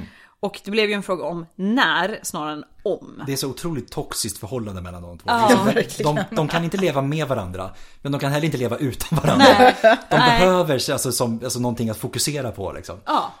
Och gnistan då som tänder den här elden blir Atens handelsembargo mot Spartas granne eh, Megara. Eh, För att det här med handel har vi nämnt så många gånger, det är jätte, jätteviktigt. Eh, Du kan ju vara helt beroende av, av en annan plats för att få in till exempel spannmål. Så att det här är ju, det här blir svårt för dem. Eh, Och de måste helt enkelt agera. Och atenarna på sin sida, de menar att några megarier inkräktat på helig mark. Och därför förbjöd man Megara att lägga, eh, lägga till i samtliga hamnar som Aten och Atens allierade kontrollerar. Det är ganska ordentligt. Det är jätte, ja, det, Ja. är, det, det är väldigt, väldigt problematiskt. Och det här skapar en stor hungersnöd såklart. För i Megara så är man ju beroende av handel för att kunna föda sin befolkning. Som på så många andra Ja. platser. Eh, och Sparta måste ju göra någonting nu. Liksom. Man kan ju inte bara låta det här fortgå. Och i Aten så skämtade Aristofanes om de hungriga megarianer i sina komedier. Eh, också, ja. Atenarna är lite svåra att tycka om ibland. Ja, de är, de är ju det. Aristofanes är eh, superrolig, men han, ja. är, han är ett svin också. Ja, ja, ja. står där och bara pekar finger och bara, så, haha, ni svälter. men absolut superrolig. Men ja, lite... Eh, det är sting i hans... Det, absolut. Han håller inte igen. Mm. Inga nej, det gör han inte. I Sparta så skrattar man ju inte för att nej, nej. man vet ju ändå vad det här innebär. Ja. Och det som är en väldigt, väldigt stor risk är ju att man tror att Megara kommer ge efter och byta mm. sida. Mm. Och det, det, det skulle inte funka. Eh, så att eh, år 431 så ställer spartanerna ett krav till den atenska folkförsamlingen. Och det är så här, häv embargot och förvisa Perikles. Och vad säger Aten? Eh, nej. Nej, det tänker vi inte. Eh, varför då? Varför ska vi göra som ni vill liksom? Ja, och eh, då så förklarar Sparta krig. Mm. Nu, nu är det, that's enough. Ja. Nu, nu nu är det krig igen. Och det Peloponnesiska kriget, och då är vi då framme vid 431 till 399, är en av de värsta katastrofer som drabbade antika Grekland, alltså hela det här området. Mm. Eh, det är hundratusentals döda. Mm. Så att det, eh, det, var, det var ingen liten grej. Nej. Och kriget försvagar alla involverade så pass mycket att man återigen banar vägen för Persien och även sen Makedonien. Så att det blir ju liksom inte det blir, det blir verkligen inte bra för någon. Nej. Krig är sällan bra för någon. Men det här är ett väldigt typexempel. Det, det är verkligen det som ett krig med två förlorare egentligen. Ja, ja verkligen. verkligen. Ja. Eh, för det här på sikt så är ju det här det som kommer att ta död på stadsstaternas Grekland. Mm, det är det. Det här är början på slutet. Mm, verkligen. Ja. År 431, eh, här är vi vid krigsutbrottet. Då dominerade Sparta på land och Aten till havs. Mm. Under 27 år så försökte båda sidor att bryta den andra sidans eh, dominans. Men precis som med det spartanska samhället så vi kan inte ta upp det här och göra det här rättvisa eh, i det här avsnittet, utan det här är någonting som måste göra ett, mm. ett eget avsnitt mm, om. Eh, så vi säger, eh, ja, spoilervarning och eh, hoppar direkt till krigets slutskede. Mm. Snabbt krigsavsnitt. Ja, det började, 30 nu tar år, slut. 30 år senare. ja, det börjar, nu går vi till slutet. Nu har vi, slag, nu har vi slagits i 30 år. Ja. Vad händer nu? Vad händer nu? Huvudpersonen, Lysander. Mm -hmm. mm. Han är en spartansk amiral som har liksom skärmat till sig ekonomiskt stöd från perserna. Han bara, oh, här, jord. Inget vatten, men lite jord. Och mycket, väldigt mycket guld. ja, okej, okay, kanske snarare guld än jord då. Men uh, han var då ganska, ganska bra på sitt jobb, mm. liksom. Och med, med persisk guld då i ryggen så var det Lysander som ledde Sparta till att bryta Atens dominans på haven. Och eh, Lysander, han belägrade sedan Aten och staden tvingades år 404 att ge upp. Mm. Lysander installerade en oligarki i Aten. De så kallade 30-tyrannerna som omgående inledde en galen serie avrättningar av politiska motståndare. As you do. Alltså det är väldigt så här uh, brutalt. ja, ja. Mm. Inom ett par månader hade 1500 atenare mördats. Det här skapar såklart ett ganska stort missnöje i Aten, tillika en massflykt från staden. Du ska komma ihåg att det här händer efter 30 år av krig. Ja, precis. Man tänker liksom, fol folken måste ju ha varit redan innan här så jävla less. Ja, ja. De vill liksom ja, bara leva sitt liv. Eh, och, så kommer det liksom bajsmacka på bajsmacka ja, för några. Ja. Som det alltid är, men liksom det är ja. Mm. Mm. Eh, men nu har vi ju den här oligarkin. Mm. Men ett ganska stort missnöje i staden då. Ja. Mm. Vilket ledde till slut eh, till en revolt mot oligarkin. Mm. Så, och, dessutom ska vi ju säga att eh, Lysander hade ju installerat den här oligarkin eh, helt på eget initiativ. Mm. Han bara, det här är kul. Eh, och de spartanska kungarna hade börjat bli lite oroliga över Lysanders inflytande. Mm. Sparta, de allierade sig nu med de atenska rebellerna. Fantastiskt. Oligarkin störtades och demokratin återinfördes år 403. Ödets ironi. Sparta hade räddat den atenska demokratin.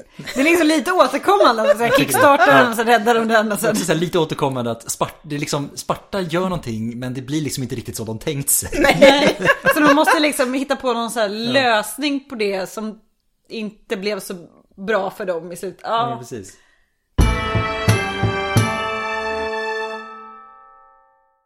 Atens makt var fullständigt bruten efter det Peloponnesiska kriget. Och Sparta var nu återigen den ohotat främsta makten i Grekland. Men Sparta hade ju ingen intention att låta de grekiska stadsstaterna få vara fria efter det här. Om, de, om det var någon som trodde det. Så nej. nej.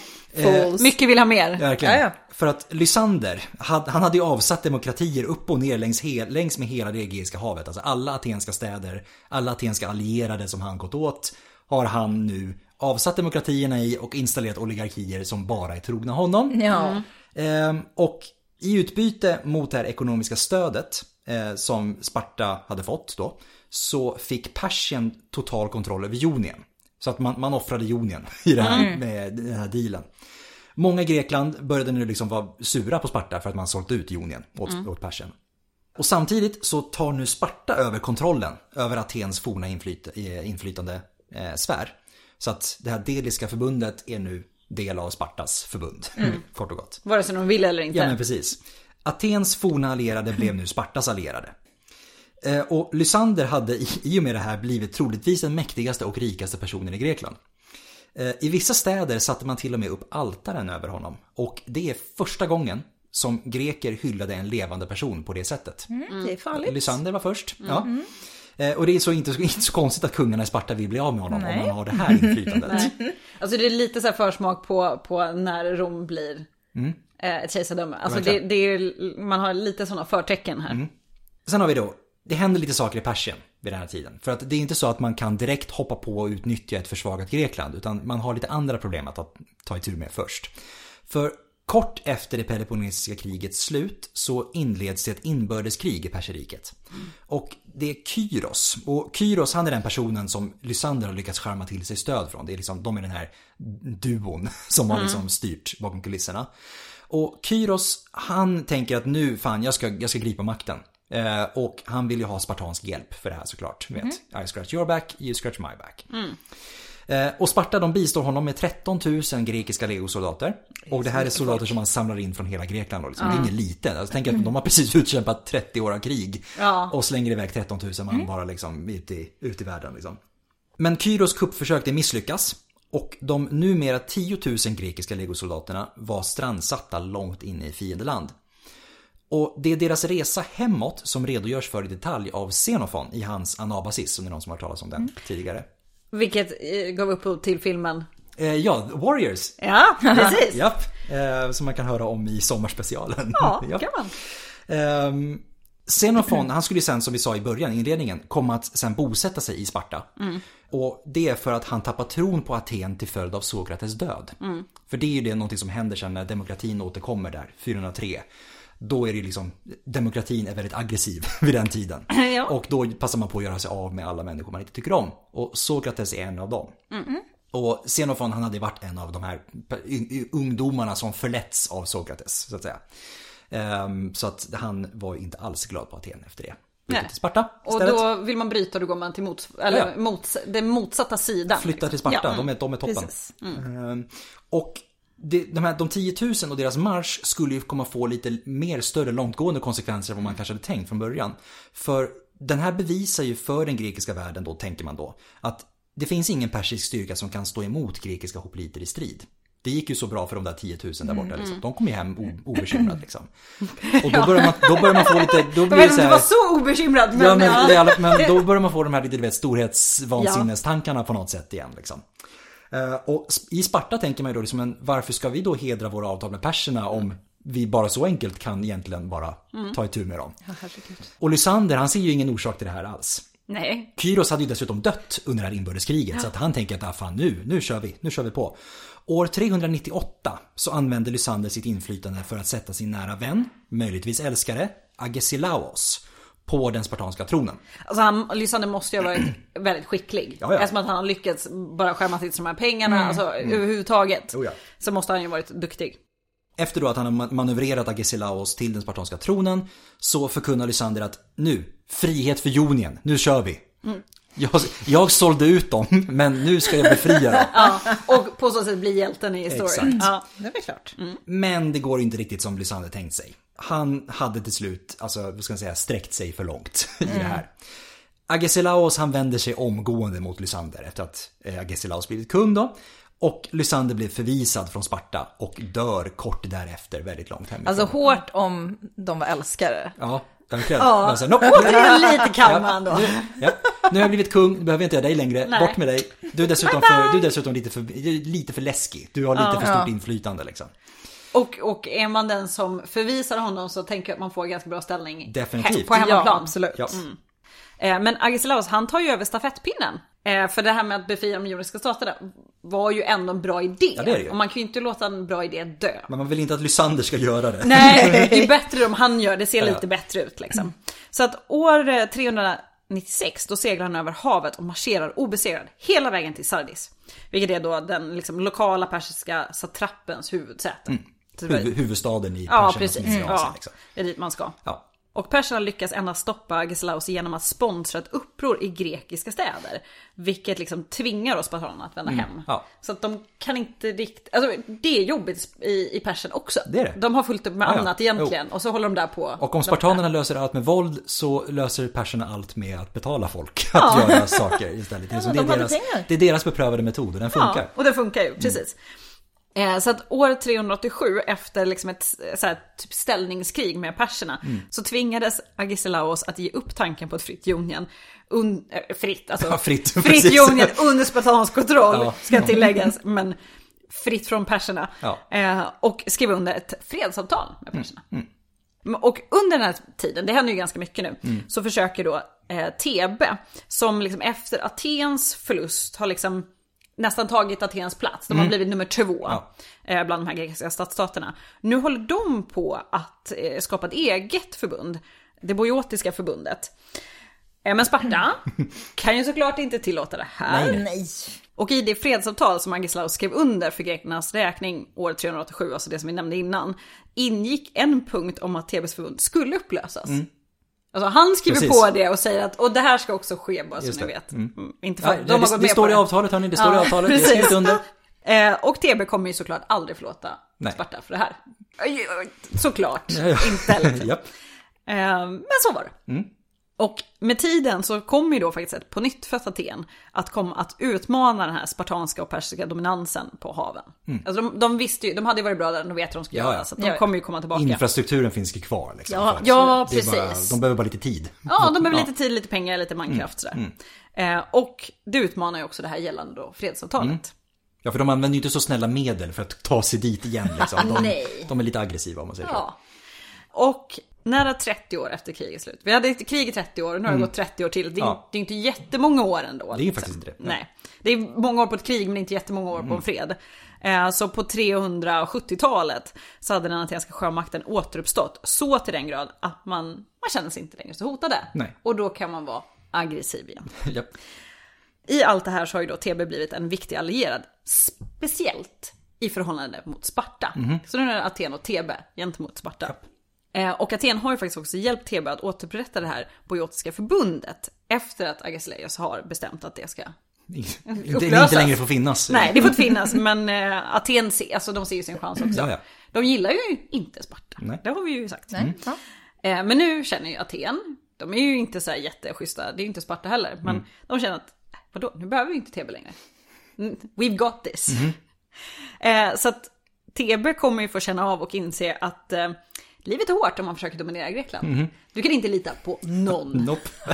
inte på någon. För att säkra sin eh, återvunna position, för det måste man ju göra, Mhm. så öppnar det nu Aten för att driva igenom ett nytt avtal mellan greker och perser. För det brukar ju gå bra. Mm. Eller egentligen så vill man ju återigen eh, aktualisera Agislaos avtal. Det är som de själva hade Ja. brutit mot lite grann. Precis. Men, Ja. ja. Det kan vi ta tillbaka det hörni. Nu, lite som nu känner vi oss trygga igen. Nu kan vi gå tillbaka till fredsavtalet som vi hade. Eh, Och med detta så slängde alltså Aten Thebe framför tåget. De är lika illa båda Ja! två. Ja, ja. Ja. Och de blev ju återigen av med eh, sitt förbund. Så står de där alldeles ensamma igen. Men vad fan. Ja, precis. De bara hej! År 371 kallade Athena till ett eh, sammanträde där avtalet skulle fastställas. Thebe, de ville skriva under som ledande stadsstat i det boiotiska förbundet, vilket Sparta eh, sa eh, nej. Thebe skriver under för sig själva, inga andra. Nej, precis. Thebes sändebud, Epaminondas, han lämnade i protest och eh, Sparta sände omgående en armé till Thebe för att lära dem veta hut och tvinga dem att skriva under. De satt, där, de satt där med fingret på knappen. Tror du inte det? Bara så här, skriv Ja. under, skriv under, skriv under. Nej, då så. Och de ville säkert att Ja. de skulle vägra Såklart. före. Ja, ja, nu får vi en absolut. ursäkt. Ja men så här, Alltså, provocera fram en handling som gör att man Ja. kan förklara krig. Alltså Exakt. lite Ja, den mekanismen. Verkligen, verkligen. Men det hade ju hänt en hel del i den grekiska världen de senaste årtiondena. Sparta hade börjat bli något av en anakronism. Lysander, han eh, hade önskat liksom, modernisera Spartas lagar och eh, krigsmakt. Men Agislaus, eh, han, liksom, han grusade de här planerna när han förvisade Lysander. Under 370-talet var Sparta fortfarande besatt av sitt förflutna och sina traditioner. Jag menar, de hade ju en ganska eh, bra liksom, traditionsgrund. Som var, liksom, den var ju bra uppbyggd. Eh, kanske inte funkade jättebra, men Det var, den, och den var stark. Ja, men Alltså, precis. En konsekvens av det här var ju att antalet spartiater stadigt sjönk. Trots att befolkningen i eh, Grekland överlag hade ökat. Här, de, de har ju redan, redan i början har de ju byggt in det här felet i sitt system. Eftersom att en, en så begränsad del var spartiat från början. Och det är ju inte så som man senare gör i Rom, att man delar ut medborgarskap. Utan det är ju hela tiden den här gruppen som ska upprätthålla den här gruppen internt. Precis, exakt. In, ja, precis. Inte så mycket så att säga, influx utifrån. Liksom, Nej. Utav, nej, inte alls. Eh, och det funkar ju inte riktigt. Nej. Nej. men det var ju helt enkelt så att de här eh, Spartas eh, medborgar och arvslagar, de var ju utdaterade helt enkelt. Och de var ju anpassade för en verklighet som inte längre existerade. Och en man kunde faktiskt bara bli spartiat om man hade råd att bidra till sitt dryckeslag. Men de spartanska arvslagarna gjorde att färre och färre kunde äga mark. Eftersom att allt mer mark samlades på allt färre personer. Och det, det här blir ju ett jätteproblem. Ja, ja. Men det är svårt kanske att få folk som sitter på den här marken och således de här tillgångarna och pengarna att släppa ifrån sig den. Såklart. Det, det är som sagt inbyggt problem. Eh, och det här gör ju att färre och färre fick råd att vara medborgare. Vilket i förlängningen innebar att Sparta fick färre och färre hopliter. För att man kan ju inte tillåta heloterna att träna och alltså, Nej, du, du, precis. du kan ju Nej, ge nej, nej, dem nej, nej, någon nej. typ av chans. så, att, nej. Nej, nej. de har ju verkligen byggt in ett problem Ja. här. Och hopliterna ska vi inte glömma, de var till råga på allt ständigt det som spartanerna förlitade sig på i strid. Mm. För att när du är ute måste ju någon bruka din mark. Ja. Men i övriga stadsstater så har man börjat experimentera, Mm. om man nu tänker ut i fält här, med ett lättare infanteri och ett mer betydelsefullt kavalleri. Mm. Så att även hur de för krig har liksom inte, hänger liksom inte riktigt med. Nej. Så då kommer man liksom till en sån situation där världen nästan tycks springa ifrån spartanerna. Medan alltså Spartas lagar sakta på något sätt suger all sorts livskraft ur staden. Och samtidigt då som dess ledare var totalt besatta av det förgångna och vägrar göra någonting åt det. För Man tänker att ja, men vi har ju det perfekta systemet. Det är liksom skapat av Lykurgos way back och våra förfäder vet oh det har gått så bra fram tills nu liksom. Varför ska Och vi ändra det, något? det hade ju gått bra, Ja, ja. men de vägrar inse att det finns någonting utanför som påverkar ja, dem. Det kanske har gått bra trots lagarna snarare Ja. än tack vare lagarna. Precis. Eh, här spelar också Spartas konstitution en roll, som vi drog igenom lite snabbt där i början. För i och med att varje institution är beroende av en annan institution så blir det ett väldigt trögt system. Det är väldigt svårt att få till drastiska förändringar. Mm. Och den politiska stabiliteten betydde i det här fallet också något av en politisk stagnation. Mm. Att systemet var liksom för trögt för att kunna vara konkurrenskraftigt över århundradena. Man hängde inte med. År 479, alltså efter Plateia, då fanns det nästan 10 000 spartiater. År 371, alltså knappt 100 år senare, vid tiden för den här, eh, det här sammanträdet som Aten kallar till, var de strax över 1000. Mm. Wow. Mm. Så det är en otroligt alltså, befolkningsminskning, eller medborgarminskning ska man mm. kanske snarare säga. Mm. Och Sparta, de levde till stor del fortfarande på sitt rykte som en oslagbar eh, krigsmaskin. Eh, de, de, de, var de som stred tills de alltså fall död, ja. föll döda på plats. Liksom. Men det är också ett problem, om man hela tiden skickar ut dem och de dör.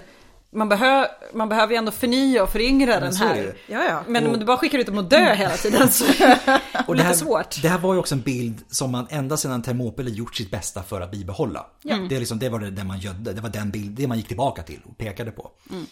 Och de grekiska författarna noterar också att Sparta var ytterst försiktiga med när de gick ut i strid. Mm. Eh, de sände hellre rådgivare till allierade städer än vad de sände soldater. Och det här är såklart inte så konstigt för de spelar ju jättehögt spel varje gång man går ut i strid. Ja, det måste ju nästan gå antingen vinnande ut eller det här uppoffrandet. Ja, ja. Alltså, de ja, måste ju ha en bra story när de går ut i strid. Verkligen. För annars så förlorar ju den här hägringen sin... Så är det Och frågan är vad som vore värst för, alltså, för Sparta. Att liksom förlora allt mer sällsynt och dyrbara spartiater i en strid. Mm. Eller att riskera att förlora självbilden. Ja. För, alltså, för Sparta så handlade det inte om hur länge man kunde behålla makten utan om hur länge man skulle kunna undvika att bli synad. Mm. Och det var ju med den här tilltron på tradition och självbild som Sparta marscherade mot Thebe år 371. Mm. Spartas hopliter, de var fortfarande de bäst organiserade i den grekiska världen trots deras allt lägre antal. Mm. Epaminondas, han Tebes starke man, han som var med vid, han som stormade ut från det här sammanträdet. Ja. Han erbjöd spartanerna strid vid byn Levktra i Bojotien. Och det blev nu smärtsamt uppenbart hur utdaterade spartanerna hade blivit. Tebes hopliter de bar längre spjut och eh, i sina då djupare formationer så höll de fast spartanerna medan deras överlägsna kavalleri tog sig runt på flankerna. Mm. Levktra blev spartanernas sista marsch och en total katastrof. Mm. En fjärdedel av alla spartiater miste oh. livet vid Levktra. En fjärdedel av alla spartiater som var nere på tusental mm. ungefär. Ja. Mm. Eh, Spartas makt var fullständigt bruten. Hela det Peloponnesiska förbundet går omedelbart över till Tebes sida så efter slaget i Levktra. Nu är de rökta. De, oh. Det är liksom, det, tog, psh, det var fyspunka, total, oh. inte ens fyspunka, det var total bara. Det var bara ballong, däcket, ballongen smällde. Ja. Epaminondas han marscherar sen rakt mot Sparta och det här blir den enda gången någonsin som en fiende härjat på den spartanska landsbygden. Mm. Vilket i sig är ju faktiskt en, en bedrift från Spartas Absolut. håll. Liksom. Ja, ja. Mm. Messenien frigjordes från spartans styre och heloterna där blev befriade.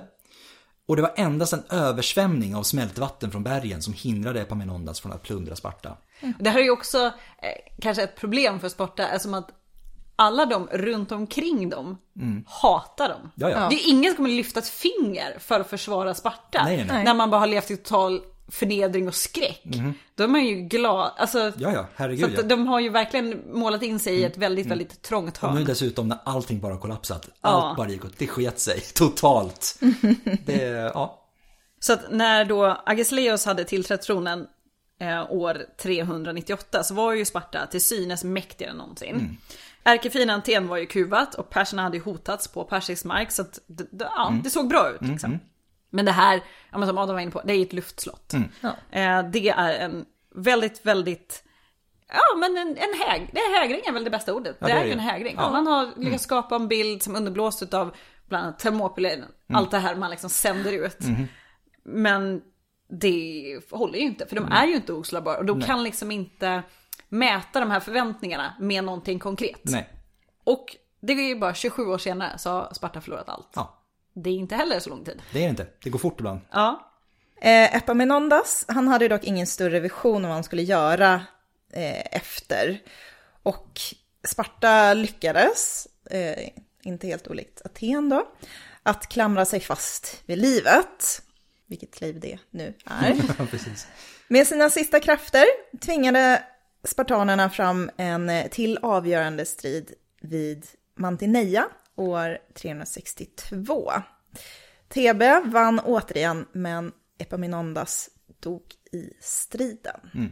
Båda sidor med allierade var nu totalt slutkörda efter nästan 60 år av mer eller mindre konstanta konflikter. Oh, det är inte så konstigt. Alltså, de har haft Peloponnesiska kriget och sen har de mer eller mindre bråkat ja. ganska ja. lite lågintensivt till och från men åtminstone i bibehållen konflikt ja. i stort sett. Mm.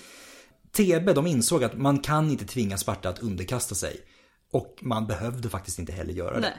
Sparta var, Sparta var helt besegrat. Mm. Resursmässigt men, och kanske ännu viktigare, eh, namnmässigt. Ja. Sparta betydde inte längre någonting. Nej. Rädslan för spartanerna var som totalt bortblåst. Och Sparta skulle faktiskt aldrig igen komma att bli en aktör på den större politiska scenen. Nej. De var totalt... De var rökta. Ja, helt. Spartas fall skapade dessutom en smärre anarki i den grekiska världen. För att förbund och allianser börjar nu skifta. I och med att Sparta inte längre går att... De uppehåller inte längre liksom sitt förbund och då blir det liksom, vad ska man göra med, vad ska vi mm, göra nu mm. liksom?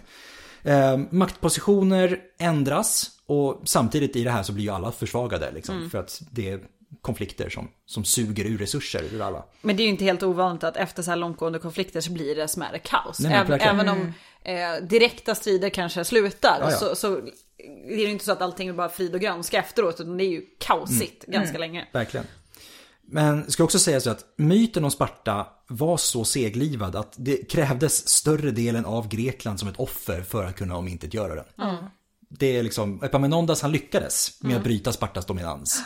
Men han var tvungen att egentligen offra, what did it cost? Everything. Ja, precis.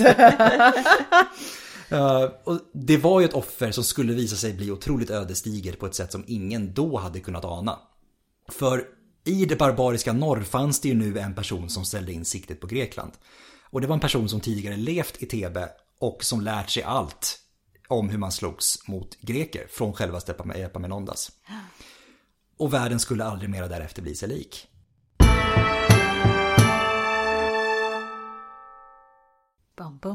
Cliffhanger. Ja. Det är Filip den andra om det var någon som undrade. Ja. Som är den det är kanske någon som vill veta. Ja, precis. Ja. Det är Filip den andra, Alexanders pappa. Ja. Uh, och det är ju bara kort efter det här, alltså 371, som sen Makedonien börjar bråka mm. med Grekland. Och Grekland har ingenting att sätta emot. Och sen har vi hela Alexander, hela hans ja, härva. Ja. Och sen så... Men det börjar någonstans det... alltid där. Med att Sparta går, går förlorat. Ja. Och som sagt, hela Grekland krävdes mer eller mindre för att åstadkomma det. Ja. Och sen, sen har vi resten. Resten är så att säga historia. Eh, så kan man säga. Ja.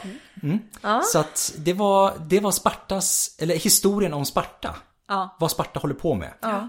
I, under nära, vad är det, nästan 300 år. Ja. Från sent 800-tal, tidigt 700-tal till då ja, nu är vi inne på 300-talet, mm. mitten på 300-talet. Men av alla de här, som sagt det är otroligt många stadsstater i det här området. Mm. Men det, de man känner till vid namn, som flesta känner till, är ju Aten och Sparta. Ja, ja. Det är de två. Ja. Och Aten eh, har ju en väldigt, väldigt långlivad eh, historia mm. som också de flesta av våra källor kommer ju därifrån. Så det är inte så konstigt att det lever vidare. Mm. Men Sparta lever vidare just på grund av det här ryktet. Oh ja, det är det som har gett dem den här stjärnglansen, om man ska kalla det. Oh ja det har ju ofta sett som väldigt häftigt med den här ganska liksom manliga mm. den här styrkan, mm. man är disciplinerad och det är liksom... Mm. Ja men det är också det, och precis som liksom, du vet, auktoriteten och ordningen ja. och alltihop. Och mm. bara det man rättar sin led. Ja men precis, och romarna älskar det här såklart. Ja. De älskar ju Sparta totalt. Ja. Och det betyder att de som sen då skriver om Sparta blir ju såklart de som också sätter narrativet mm. mm. för det. Och när sen i en mer så att säga modern, tidig modern historia, typ 1700-1800-tal, när man så sitter och läser de antika källorna och mm. oj vad fantastiskt Sparta måste vara liksom. Mm. Och Aten verkar vara helt fruktansvärt. Liksom. Det vill inte. Så att när, liksom, när man kommer in i 1700-1800-talet, de, det man, så att säga, idealiserar och det man sitter och verkligen drömmer sig tillbaka till och försöker återuppliva på något sätt, det är ju Sparta. Mm. När jag kommer till mm. Grekland. Mm. Det är romarriket såklart i, liksom, i större, större mm. mån. Men mm. när man tittar till Grekland då är det Sparta ja. som är idealet, inte Aten. Nej. Aten blir idealet liksom först under 1900-talet. Ja. När, man börjar, liksom, när det blir helt annat fokus, när man börjar läsa historierna istället. Ja. Tykides mm. och Herodotos och sådär. Um, så att ja, nej, Sparta har lämnat avtryck och de gjorde det fullt medvetet själva. Ja. Och ville verkligen ha det avtrycket också. Men de lämnar också efter sig många sådana bra historier och sägningar. Ja, som bara några av dem vi nämnde ja. i det här avsnittet.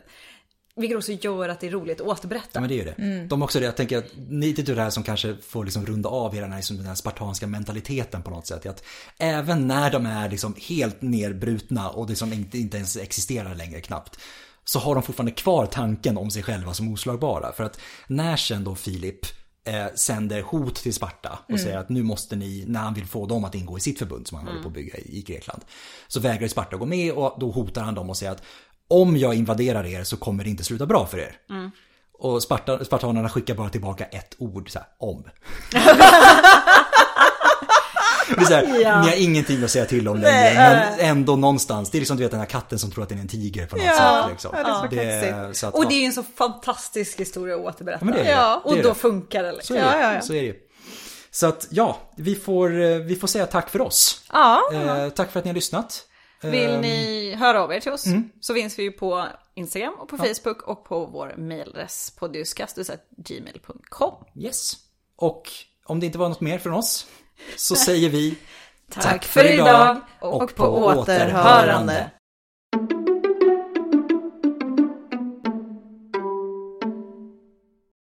Den här utnyttjar man dock mycket mer imperialistiskt än vad spartarna gjorde med sitt. Mm, mm. Men, men man har kanske också sett insett vad sina styrkor är. Mm. Sa du Spartarna? Ja, det gjorde hon. Ja, gjorde jag. Fan. Spartarna. Spartarna. Ja. vad Spartarna gjorde med sitt.